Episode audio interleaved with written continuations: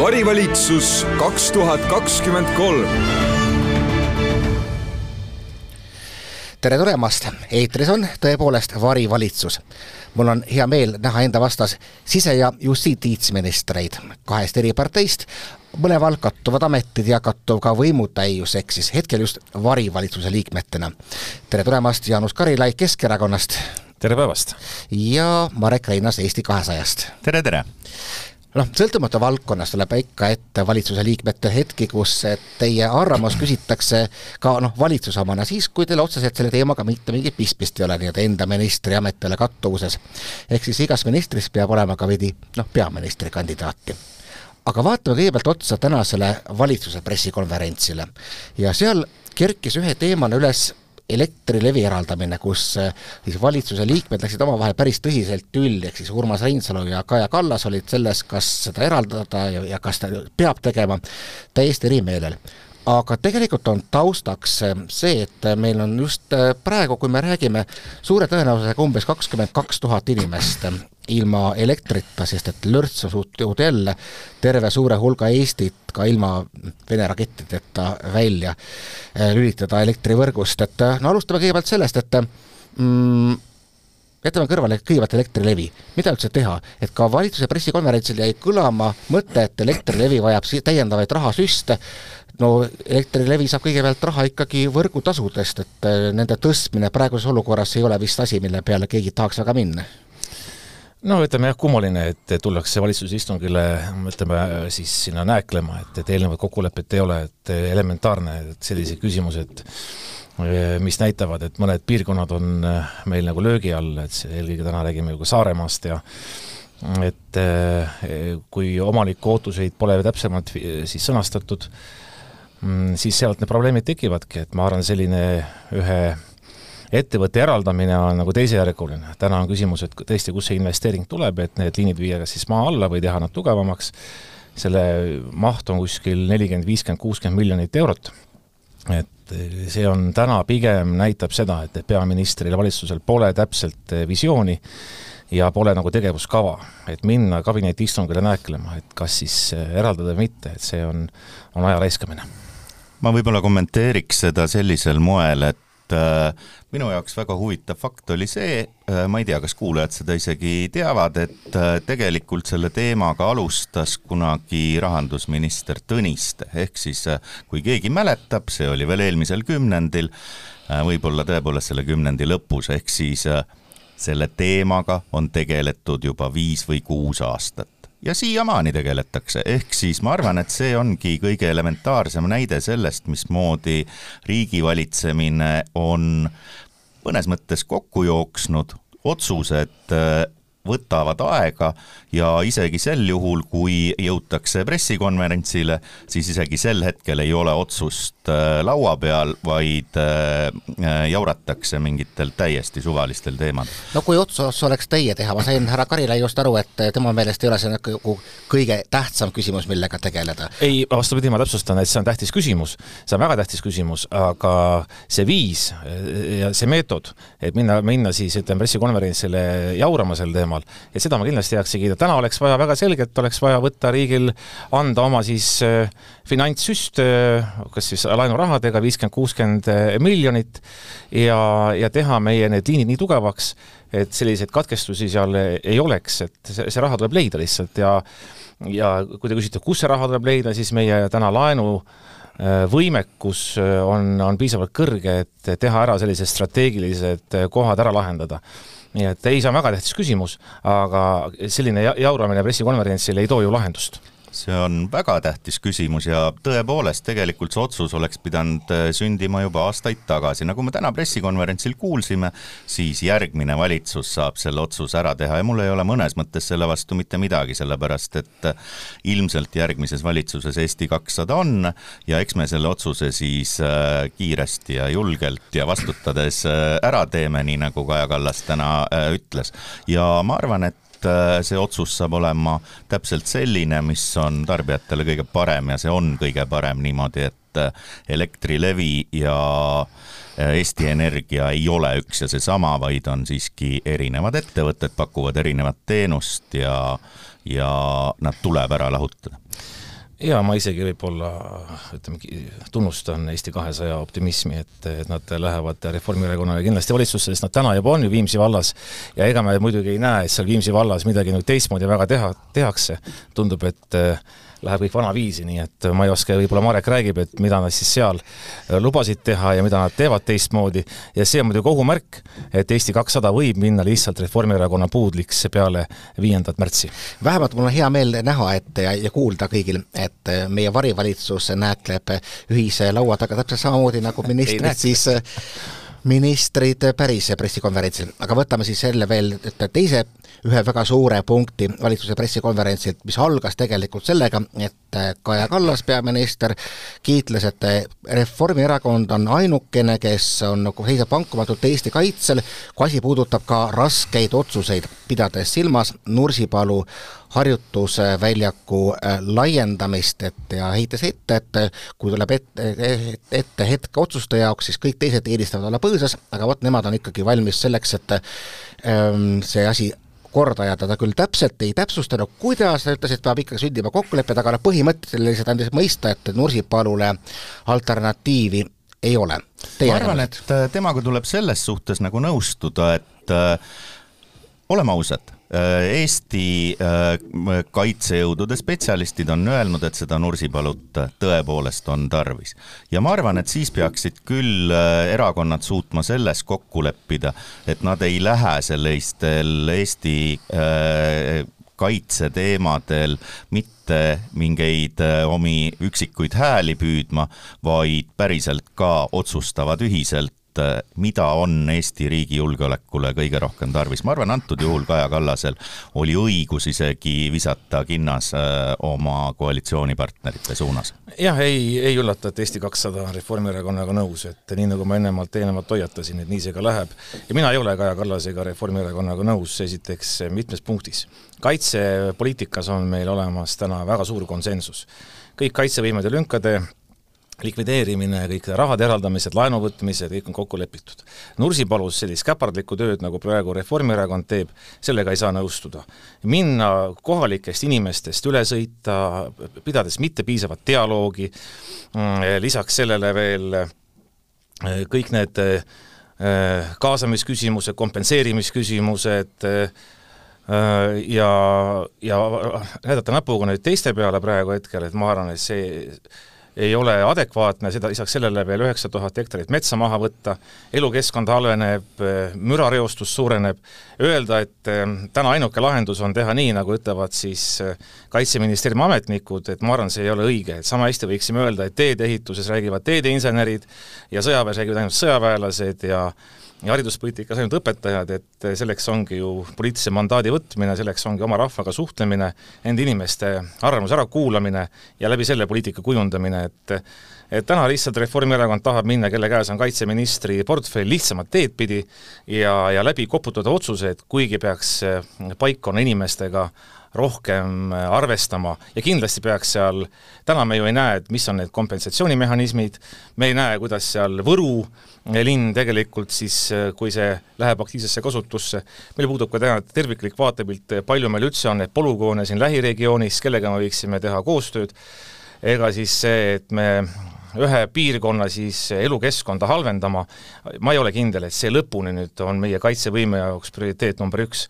me oleme rääkinud omal ajal sellest, Keskerakond võttis üles, et kaitse, et keskmaa õhutõrje on puudulik, ma mäletan, samamoodi oli Reformierakond koos siis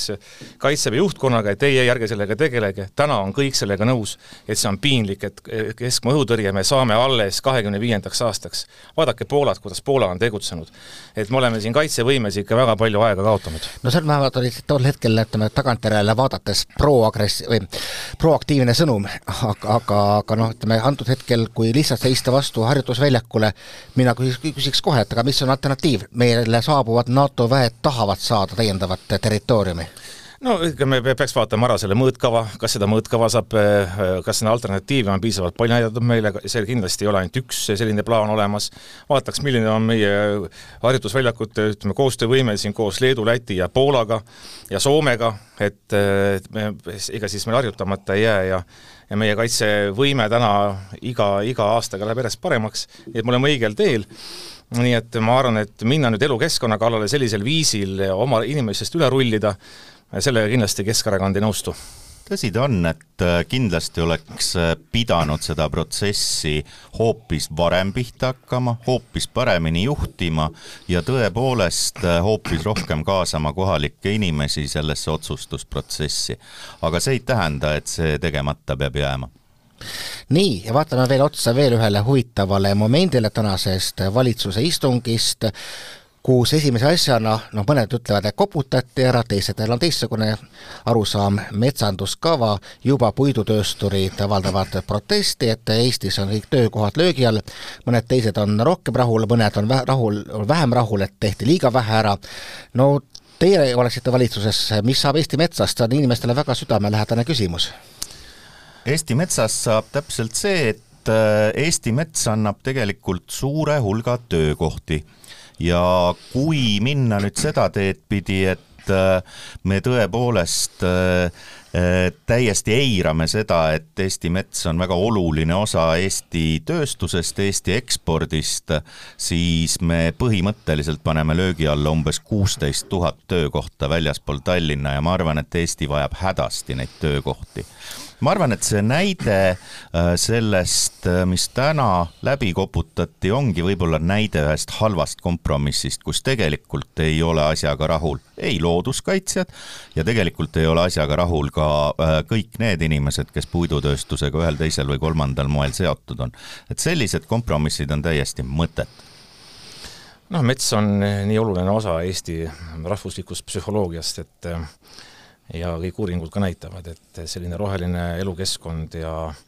ja mets on meile väga, väga oluline, arengukava kui selline ei saa tulla poolteist kuud enne valimisi hoogtöö korras, siis et keegi saaks mingi pressiteate teha, et me midagi tegime ära, kuigi tegelikult, kui me sinna sisse vaatame, siis seal on ka väga suured vahemikud, et raiemaht on üheksa kuni üksteist miljonit ja ja ja näidata, noh, selles mõttes, et keegi saaks teha mingi pealkirja, aga see just nagu eel, eelkõneleja mainis, et see kaasamisprotseduur kõik on olnud väga puudulik ja pigem selliseid strateegilisi arengukavasid peaks tulema suure poliitilise kokkuleppega nii erakondade vahel kui ka huvirühmade vahel, et aru saada, et selline, et meil ei oleks niimoodi, et kümne-viieteist aasta pärast me oleme samas olukorras nagu Holland või Saksamaa, kes igatsevad seda perioodi, kui ka neil oli kunagi elukeskkond roheline. nii et metsa peab kaitsma, kahtlemata on töökohad tähtsad, kahtlemata on see kõik, mis on, puutub majandusse ja, ja inimeste sissetulekuid, aga elukeskkonna osa ja see kõik, mis annab sellisele annab sellisele elule kvaliteedi, seda ära hävitada, lagastada, selle mõttega, et keegi saaks bilansid korda endal siin kümne-kaheteist aasta jooksul, et me ei saa ühte äärmusesse minna. see tasakaalu otsimine ongi keeruline töökohtade heaolu ja, ja siis elu, elukeskkonna vahel, aga see on tegemata ja täna pigem tuldi sellega siis hoogtöö korras välja, et saada mingi punkt kirja tõsi ta on, et äh, metsandus on selline asi ja siin koha peal muidugi peaks Jaanusele ütlema, et et äh, tõepoolest Eesti kakssada siiski arvab, et äh, spetsialiste peaks rohkem kuulama ja võib-olla poliitikud ei pea iga asja peale oma suu täis võtma äh, mingit juttu. ma arvan, et kõige paremini oskab selle kohta öelda, mitu tihumeetrit kannatab metsa raiuda, iseenesest need spetsialistid, kes Eestis on olemas, metsanduse spetsialistid, ja siin koha peal ma ütlen küll ausalt, et see poliitikute pingpong erinevate miljonite tihumeetritega mõjub täiesti ajuvabalt jah, ütleme repliik vahele, et siin tegelikult ma võin, see on nagu ütleme, mõne seadus, õigusakti tõlgendamisega, et sa paned kõrvuti neli advokaadibürood ja saad tõlgenduse, samamoodi on ka metsanduses tegelikult sellise ekspertiisi võtmisega, et kui sa küsid Erametsaliidu käest, sa saad ühe, kui sa küsid Keskkonnaministeeriumist, saad teise, kui sa küsid MTÜ Metsa abiks, saad kolmanda, nii et ega neid eksperte on ka meil väga palju erinevaid, nii et siin ma ütlen Marekile, poliitik ei saa ära joosta jälle vastutuse eest, et mina ei ütle midagi, las tema ütleb. aga mingi kolmas poliitik toob jälle kolmanda eksperdi ja ütleb, et aga tema arvab nõndaviisi, nii et päeva lõpuks saadakse mandaat ikkagi selleks, et, et teha valikuid ja võtta vastutus. nõus, otsus tuleb ära teha ja otsus tuleb teha kõige mõistlikuma info pealt, mis kättesaadav on. see on õige. varivalitsus kaks tuhat kakskümmend kolm varivalitsuse saates on täna Jaanus Karilaid Keskerakonnast ja Marek Reinaas Eesti kahesajast ning mõlemad kannavad sise-, justiits- ja ka, ka riigihaldusministri portfell, et selline päris suur koorem. nüüd siis natukene kritiseerisime tänast valitsust, seda, mida nad täna välja ütlesid, aga vaatame ka neid punkte, mis võib-olla tänase valitsuse suule ja nende dokumentidesse kunagi väga isegi ei jõua et vaatasin ka teie mõlema artikleid Eesti Päevalehes, sealt käis ühena läbi märksõna bürokraatia, aga enne kui sinna jõuame, siis minu meelest on ikkagi Eestis üks noh, väga suur muutuja, mis on tulnud sisse ju viimase aasta jooksul tänu Putini alustatud sõjale Ukrainas, on see, et mida teha põgenikega, see on just nimelt see valdkond, mis peaks teie mõlema portfellidega hästi sobima kas neid pigem aidata Eestis integreerida, aru saades, et sõda võib mõjuda väga, venida väga pikale, pigem luua neile võimalikult selline ajutine pind, et nad ikkagi saaksid sinna nagu tagasi minna. siin on veel äh, seonduvad äh, täiesti erinevad, vaidlused teemal, et kui põhjalikult peaks nagu praegusel ajal juba piiride peal põgenikke, no ütleme siis rahvakeeli peedistama, ehk siis et eh, on olnud ka meie Päevalehes lugusid, kuidas Eesti piirivalvurid saadavad tagasi põgenikke, kes pärast Soomes avasüli vastu võetakse. ehk siis kui õnnestunud on Eesti põgenikepoliitika, arvestades, et tegemist tõepoolest on erakordse sündmusega siiski nüüd üks julgeolekuklots, mis logiseb praegu, on ikkagi idapiir. kui meil maismaa idapiiri on kuskil kakssada kilomeetrit, kakssada seitse, ja me ei ole isegi selle väljaehitamisega jõudnud poole peale, siis täna meie, arvestades meie ehitusinsenerlikke teadmisi ja ja ka riigi võimalusi, siis sellega kindlasti rahule ei saa jääda ja see on kõik sellega ka seotud. Aga põgenike koha pealt ehm, noh, meil on täna sõjapõgenikke kuskil siin nelikümmend tuhat Ukraina kodanikku, pooled on neist mehed, millele peab rohkem tähelepanu pöörama, on nende inimeste taustakontroll ja, ja selleks me peaksime rohkem panustama ka piirivalve eh, siis isikkoosseisu ja ka siis taustahindajate siis väljaõppesse. Ja loomulikult see palgatase, mis täna seal on, kuskil tuhat kuussada, tuhat kaheksasada eurot, ei ole ka piisav, et leida sinna Äh, piisavalt äh, siis parimat inimressurssi, et täna inimesed panevad seal väga palju ka patriotismi laine peal. Ja, ja selline kutsumus juba siis piirivalvuril ja, ja politseinikul on, nii et eelkõige tausta hindamine, kas neid integreerida, ma arvan, et peab igati võimaldama neile eesti keele õpet, sest ega me päeva lõpuks ju ei tea, kas tagasi läheb kolmkümmend protsenti, kakskümmend protsenti või kuuskümmend üheksa protsenti, nii et kindlasti väga suur hulk jääb siia ja mida rohkem me teeme neist Eesti kodanikud ja ühiskonda tõmbame, seda parem Eesti riigile.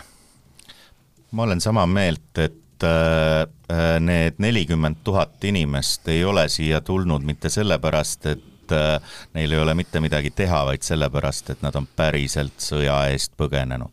ja siin koha peal tuleb lihtsalt olla empaatiline ja mõista, et need inimesed ongi päriselt hädas, ma arvan, et Eesti on selle koha pealt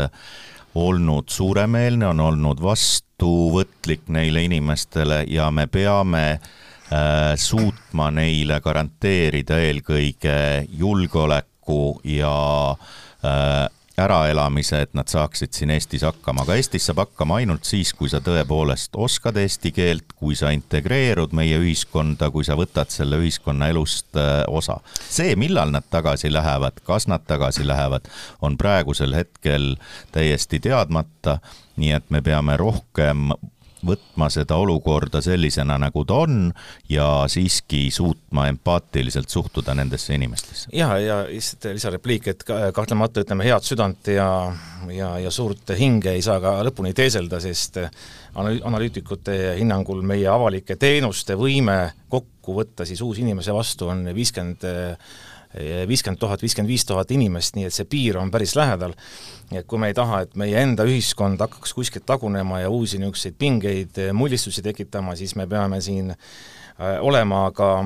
väga filtreerivad ja, ja tõesti võtma vastu inimesi, kes on ka päriselt sõjapõgenikud, kui ikkagi neljakümnest tuhandest kakskümmend tuhat on äh, meesterahvad, siis paratamatult tekib küsimus, et, et miks ei olda siis rinde peal ja, ja miks oma riiki ei kaitsta.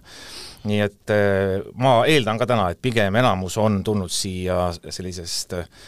objektiivsetel põhjustel ja FSB poolt äh, noh, mehitatud, suunatud selliseid destabilisaatoreid seal ei ole, nii et aga sellepärast ma mainisingi, et selline idapiiri väljaehitamine, isikkoosseis, kes neid filtreid seal ja paigaldab ja, ja inimesi hindab, et see peab olema piisavalt heal tasemel. tõsi ta on, et äh, me peame arvestama sellega, et need nelikümmend tuhat inimest suurima tõenäosusega Äh, ei pruugigi siit mingil hetkel lahkuda ja ka selle jaoks, et nad saaksid üldse otsustada selle üle, et kas nad saavad kodumaale minna või jäävad Eestisse, siis see otsus äh, ja lahendus äh, sünnib tegelikult Ukraina sõjas, kas Ukraina võidab selle sõja või, või ei võida, seega ma arvan, et selle põgenike probleemi lahendus ja kõige parem lahendus on see, et Äh, toetada Ukrainat nii palju kui võimalik, et nad selle sõja võidaksid, siis me saame rääkida ka äh, põgenike tulevikust ja probleemi lahendamisest. täna muidugi on ilmselge, et sõja võidab Ukraina, küsimus on millal ja küsimus on, milline on elukeskkond seal Ukrainas ja kas need kodud ja see taristu kõik on millisel viisil säilinud, nii et ja, ja kui palju on siis tahet veel tagasi minna oma endisele kodumaale, kus on nii palju olnud seda ebameeldivust. just nimelt, aga kui nüüd endale sisse vaadata, siis mina olen rääkinud mitmete inimestega, kes siin ka te-, tegutsevad Ukraina sõjapõgenikega ja nemad nagu joonistavad välja sellise ohu, mida nad tunnetavad õhus. ja see on ikkagi selline rahvuskonflikt ja mitte ukrainlaste või eestlaste vahel, vaid ukrainlaste ja siin elavate venekeelsete inimeste vahel, nad näevad, et noh, arusaadavalt see sõjaviha kandub siia edasi. mis on nagu teie teie hirmud ja nägemused ja lootused sellega seoses? ja eks me ju jär-, järjest rohkem toome ka Kremli meediumitest välja siinseid äh, venekeelseid äh, elanikke, et äh, ja see on kahtlemata üks oluline nii-öelda psühholoogilise ja vaimse silla ehitamise võimalusi, et selles erinevas inforuumis elamine kaua aega on ka selliseid noh, konflikte ja probleeme ju tekitanud, nii et ma näen pigem siin nagu paranemise märke ja ma näen ka, et äh, Putinist äh, lahtilaskmine ka Vene kodanikkonna poolt on järk-järgult toimumas jah, tõsi ta on, et me ei saa selles konfliktis süüdistada, ma arvan, neid inimesi, kes on sõja eest põgenenud. ma arvan, et selle konflikt, konflikti juur asub ju tegelikult Eestis, kus on tõepoolest märkimisväärne hulk inimesi, kellega ei ole kümneid ja kümneid aastaid tegeletud, et nemad integreerida Eesti inforuumi, Eesti väärtusruumi ja Eesti ühiskonda. nii et ma arvan, et äh, siin peavad väga paljud poliitikud ja sealhulgas ka Keskerakonna poliitikud väga tõsiselt endale otsa vaatama selle koha pealt, mis on toimunud Eestis äh, äh, venekeelse elanikkonnaga viimase paarikümne aasta jooksul. No nii, Jaanus Karilaidil on võimalik endale otsa vaadata, aga seda natukene hiljem räägime siis ikkagi sellest, mis on, oli teil südamel, kui ma vaatasin teie mõlema artikleid, siis ühe teemana äh, kõlas ikkagi läbi mm, bürokraatia ja nii-öelda vohav bürokraatia. et äh, Marek Reinaas soovis kiiret riigireformi, Jaanus Karilaid äh, üldse mitte sellega niivõrd kiirustada, vaid lasta pigem asjadel areneda omasoodu, aga ikkagi, kui me räägime nagu bürokraatiast, ma usun, et enamik inimesi tunnetab, et jah, seal on terve hulk muidusööjaid samas, kui need on väga huvitav raamat ilmunud eesti keeles ka, eh, kogu kontoris sündinud, kus siis eh, kirjeldatakse köögi poole pealt, et tegelikult noh, neid tööd on palju ja bürokraate on ka vaja, et kuidas selline nagu leida lahendusi, noh tegelikult asjad enamasti nii ei toimi ju, et laseme kümnendiku lahti, ja asi on korras. ei, omasoodu kindlasti ei tohi asjadel minna, aga vaadates, kuidas ka bürokraatia täna nii-öelda lämmatab ettevõtlust, kui palju peavad ettevõtjad kogu aeg tõestama, et nad ei ole midagi teinud, et nad on ausad ettevõtjad, kui palju tuleb aruandeid teha, kui palju tuleb ülevaateid teha erinevatele siis riigiasutustele, pidevalt on mingid kontrollid kogu aeg sees, kui me vaatame, kuidas Elektrilevi käitub, kui ettevõtjad tahavad näiteks ise neid energiavõimsusi luua, kui palju on menetlemistasu, üle tuhande kuuesaja euro ainuüksi menetlemistasu, vastus peab ootama väga-väga kaua, siis tuleb veel investeerida miljoneid, et sise välja ehitada, samas me tahame, et meil oleks palju töökohti, me tahame, et head, head palka makstakse, ja siis käib selline ettevõtjate mm, eemale peletamine, et omasoodu kindlasti ei tohi siin midagi lasta minna ja et meil ei saa olla ka riigiettevõtteid, mis on nagu riik riigis. Ja kui, kuigi omanikud on on poliitikud, kes siis annavad läbi selle ka siis prioriteedid ja suunad ja asjad paika ja asjad ikkagi kuidagi ei liigu. ja ütleme kõige lihtsamalt öeldes, kui, kui on mingi probleem, siis probleemist lahenduseni ei tohi minna kuid ega aastaid, et need tuleb võimalikult kiiresti ära lahendada ja see võikski üks mõõdik olla, et kui sa paned masinavärki, bürokraatia masinavärki probleemi sisse, siis ütleme, lahendus peaks tulema sealt noh, ühe-kahe-kolme kuu jooksul. ehk siis, et kiirendada lahendust, oleks vaja rohkem bürokraate? ei, kindlasti mitte, seal on vaja ka suhtumist ja, ja tihtipeale ma olen ka kohanud ametnikke, kes selle asemel, et otsida nagu lahendusi ja otsida võimalusi, otsitakse takistusi ja, ja üks probleem kahtlemata on ka selles, kuidas kohalikud omavalitsused on, on väga palju teinud investeeringuid ja ja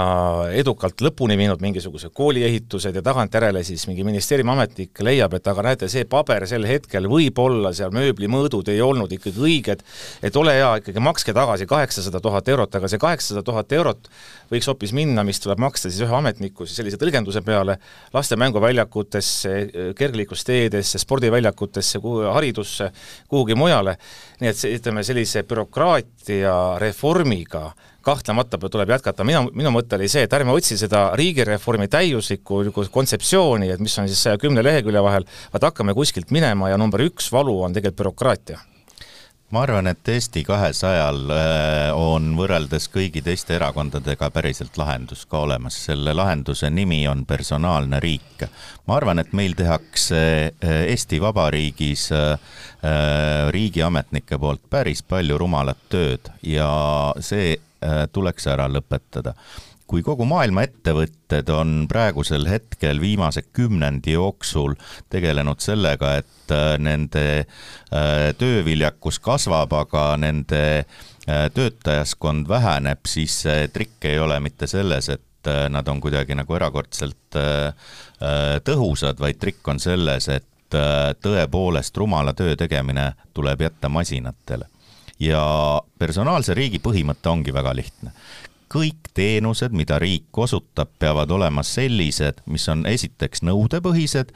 ehk siis äh, kui inimesel päriselt seda on vaja, siis ta selle saab ka kätte ja teiseks tegelikult on võimalik väga palju bürokraatia vabaks muuta see tähendab seda, et riigil on tegelikult kõik andmed olemas oma kodanike kohta ja nende elukoha kohta, nende sissetulekute kohta, nende laste arvu kohta, kus nad elavad, ainuke asi, et neid andmeid ei kasutata riik peab hakkama kasutama enda käsutuses olevad andmed ja ta suudab tegelikult päris hõlpsalt kõik teenused äh, viia personaalseks, ehk siis täpselt selliseks, nagu inimestel tarvis on. ja täpselt sel hetkel jõuavad need teenused inimesteni, millal neil seda tarvis on, ehk siis kui laps jõuab kooli äh, ikka, siis äh, saab ta selle teenuse kui on vaja arsti juurde minna, saab ta teada, et see teenus teda ootab. nii et selles mõttes praegune Äh, riigi ülesehitus ja masinavärk on minu arust nagu eelmisest sajandist, et me peaksime ikkagi võtma õppust äh, juhtimismeetoditest, mis on tänapäevased ja panema tööle andmed, panema tööle digiriigi uuesti ja siis on võimalik äh, päris hõlpsalt vähendada oluliselt bürokraatiat, kiiremaid otsuseid äh, teha ja just nimelt jõuda sinnani, et kui on mingi toetus või teenus, siis seda ei jagata nendele, keda, kellele vaja ei ole, vaid jagatakse ainult nendele, kellel vaja on. no kui ma mõtlen kas või Saksamaal käivatele diskussioonidele privaatsuse üle, siis mõnda inimest võiks selline riik ka hirmutada, aga jätame selle praegu kõrvale. üks veel selline nagu kiiruse teema, millega just Jaanus Karilaid tõi välja, oli ikkagi kohtute menetlus ja mina väidan ka, väidan ka, et üks suurimaid probleeme Eestis kui õigusriigis on ikkagi see, et inimestel on erinev ligipääs õigusemõistmisele. ühtedel on raha ja vahendeid ja teistel mitte, see määrab päris palju ja me näeme ju järjest, kuidas tõepoolest kohtud menetlevad kõike väga aeglaselt. Kas on midagi, mis on lahendatav lihtsalt Äh, rahaga, no me, me, me isegi ei suuda ju praegusel hetkel õigusõppejõude palgata, noh, kohtunik ei ole võib-olla kõige populaarsem ala üldsegi. jah, väga fundamentaalne teema iseenesest, et seal on mitu, mitu lahenduskäiku, et, et üks on see, millest on rääkinud ka Riigikohtu esimees äh, Villu Kõve, et, et kohtusüsteem vajab tegelikult lisaressurssi, meil on äh, kolmeastmeline kohus ja me näeme, et see on ka väga üht-, ebaühtlane seal ja, ja kuidas motiveerida, et siis tippjuristid tuleksid kohtunikuks ja, ja tagaksid selle kvaliteedi. teine pool on tasuta õigusabi, et tõesti selline õigusteenuse kättesaadavus on on väga kallis, advokaadi hind on, tunnihind on kuskil kakssada, kakssada viiskümmend eurot tund ja riigi poolt on tehtud programm äh, teatud kriteeriumitele vastav, aga see ei ole ka piisav täna, et, äh, et kuidas siis ähm, seda õigusabiteenust äh, ka paremini osutada, et ühelt poolt on seadused väga keeruliseks läinud, õigusselgust on vähemaks jäänud, kuigi seda räägitakse iga aasta-aastalt, et see võiks seaduste kvaliteet võiks parem olla. Ja kohtute koormus on, on väga suur ja ka kohtueelne menetlus on väga vaevarikas, nii et see kogu see menetluskaar on, on väga liiga, liiga pikk nii et kui me vaatame ka neid erinevaid kurikuulsaid kaasuseid, mis oli kunagi siis siin selle, kestab praegu siiamaani Tartu aselinnapea, endise aselinnapeaga, ühe Tartu vallavanemaga, kus siis mõni kohtumenetlus kestab üle kuue aasta. Ja ega siis õiguse kõrval on tähtis ka see õigluse mõõde, aga selleks on vaja tõesti pädevust, selleks on vaja tahet ja selleks on vaja ressurssi, nii et need kolm äh, komponenti tuleb leida, et, et me jõuaksime siis soovitud tulemuseni ma arvan, et kohtute puhul on ülioluline lisaks õigusele ja õiglusele ka otstarbekuse küsimus. ma arvan, et meil kohtutes pahatihti vaieldakse ja põhjalikult vaieldakse ja kolmes äh, astmes vaieldakse mingite asjade üle, mis tegelikult oleks võimalik ära otsustada ilma selle kohtusüsteemi sekkumiseta. ma arvan, et äh, kohtus peaksid tõepoolest olema äh, vaidluse all ainult need teemad, mis võib-olla ühest küljest on nagu pretsedenti loovad ja teisest küljest tõesti, kus see otsuse tegemine on keeruline, vajab põhjalikku analüüsi. ma arvan, enamus kohtuasju on võimalik ka kohtuväliselt kokku leppida, kui selleks oleks äh, Eestis äh, oma süsteem. nii, lugupeetud varivalitsuse ministrid, ma jätsin viimase kondi veel siis lõpuks, mis puudutab ka otsapidi kohtu, kohtusüsteemi ja kohtuvaidlusi, nimelt äh, Marek Reinaas käis välja oma artiklis mõtte, et kriminaalkorras süüdimõistetud erakondadele võiks vähemalt siis karistuse kustumiseni mitte maksta riigi toetust. on käidud välja ka radikaalsemaid mõtteid, mis ei ole küll teie programmis, ehk siis ka neid sundlõpetada ja nii edasi, ehk siis kuidas sellesse kõigesse suhtuda, siin on päris mitu dimensiooni, kas, kui te sat-, peaksite sattuma kunagi koos ka päris valitsuses ühe laua taha, leiaksite siin mingisuguse koosmeele? noh, ma arvan, et see põhimõte, et äh, kui üks erakond on äh, sooritanud kriminaalkuriteo mingi hüve saavutamiseks ja see hüve on ju tavaliselt parlamendikohad või hääled, siis äh, on ju täiesti jabur, et see hüve jäetakse alles, hoolimata sellest, et see tegu ise oli kriminaalkorras äh,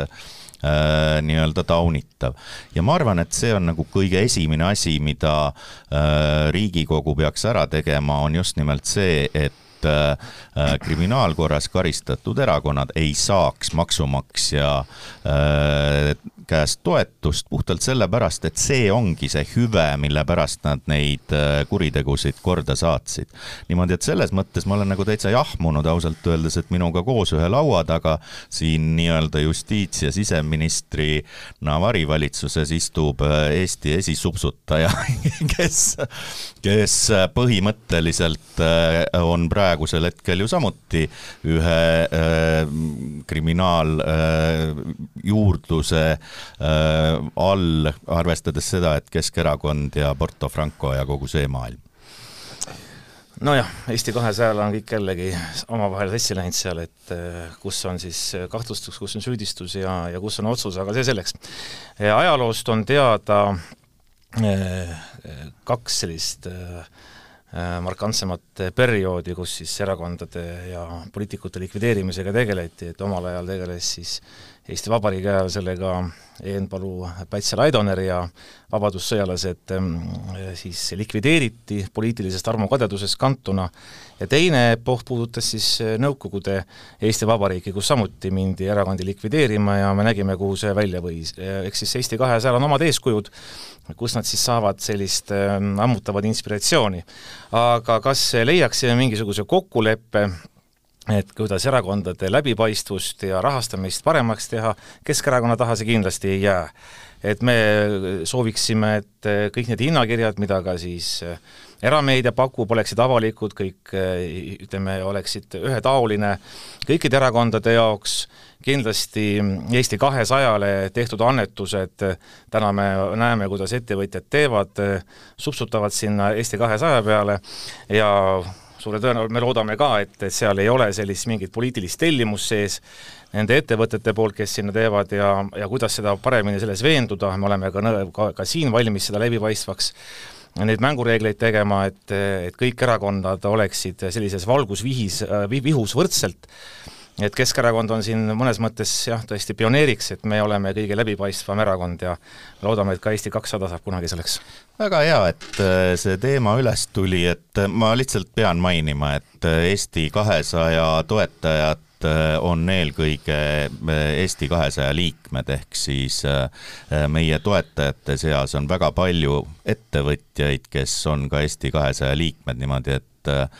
ma arvan, et läbipaistvus erakondade rahastamises, erakondade valimiskampaanias äh, on väga-väga äh, oluline ja võib-olla väga mõistlik otsus oleks ka see, et mitte erinevad erakonnad ei sipleks pidevas nagu rahanäljas ja otsiksid tänu sellele vahvaid supsutajaid linna pealt ülesse, siis oleks väga mõistlik seada üles ka valimiskulutuste lagi päris kummaline loogika, et eh, panna viigileheks, et erakonna pilet on see, et näete, et tema võis meile annetada, et tal on erapartei pilet on taskus, et ma arvan, see ei saa olla, ei, see ei saa olla kriteeriumiks, et eh, aga nagu ma rõhutan üle, et Keskerakond on valmis neid mängureegleid veel karmimaks ja arusaadavamaks ja läbipaistvamaks tegema. ehk siis lõpetuseks lühidalt, kas erakondade rahastamise järelevalve komisjoni volitusi tuleks laiendada? Noh, küsimus on selles, et Eh, kõigepealt peab aru saama, et mis, millest täna puudus on. Eh, kui me saame aru, et, et neil mingi tööriistakast on puudulik, siis vaatame sinna peale ja, ja arutame, et ma arvan, et aga kõigepealt, et lihtsalt selliseid loosungeid öelda, et me tahame, et tal oleks rohkem jõudu, sellest üksi ei piisa, et meie pakkusime vahepeal ka välja selle lahenduse, et see võiks olla Riigikontrolli nii-öelda siis haldusalas, et täna on ju ERJK selline ülesehitus väga kummaline, et sinna kuuluvad ju nelja-viie erakonna esindajad, ta on liiga politiseeritud, et me võiksime rohkem sinna võtta siis oma ala asjatundjaid, poliitikuid sealt eemale hoida, et ma arvan, see annaks ka sellise usaldusväärsusele rohkem juurde, me näeme, et mõni ERJK esindaja on seal, elab oma poliitilises vihas ja oma sellises subjektivismis, ei ole kantud nagu sellisest võrdse mängu, võrdse kohtlemise põhimõtte rakendamisest siis kõikide erakondade puhul, vaat tal on siis üks-kaks erakonda, keda ta siis ka arvatavasti unes näeb, et et ma arvan, et seda pädevust juurde anda, anda rohkem äh, nii-öelda siis seda mõjujõudu juurde, teha mängureeglid arusaadavamaks, selle poolt Keskerakond igal juhul on. ma, ma arvan ka, et viimasel ajal kõlanud äh, erakondade rahastamise järelevalve komitee pädevuse suurendamine, see mõjub äh, väga nagu mingi peenhäälestamine, loomulikult ega selle jaoks, et nad saaksid oma tööd teha, on äh, vaja neil pädevust ja kuidagi pääseda infole ligi. ma arvan, et see peamine probleem on pigem nagu selles mõtteviisis ja ilmselt ei tule äh, minna ERJK pädevuse kallale, vaid tuleb minna erakonnaseaduse kallale erakonnaseadusesse tuleb kirjutada sisse reeglid, mis lõpetaks selle lõputu rahajänu praegustel erakondadel aitäh, varivalitsuse ministrid Jaanus Karilaid Keskerakonnast ja Marek Reinaas Eesti kahesajast. mina olen Krister Paris Eesti Päevalehest ja mind kuulete suure tõenäosusega järgmisel nädalal, aga siis varivalitsuse poolt on juba uued ministrid, nii et jälle kuulmiseni. varivalitsus kaks tuhat kakskümmend kolm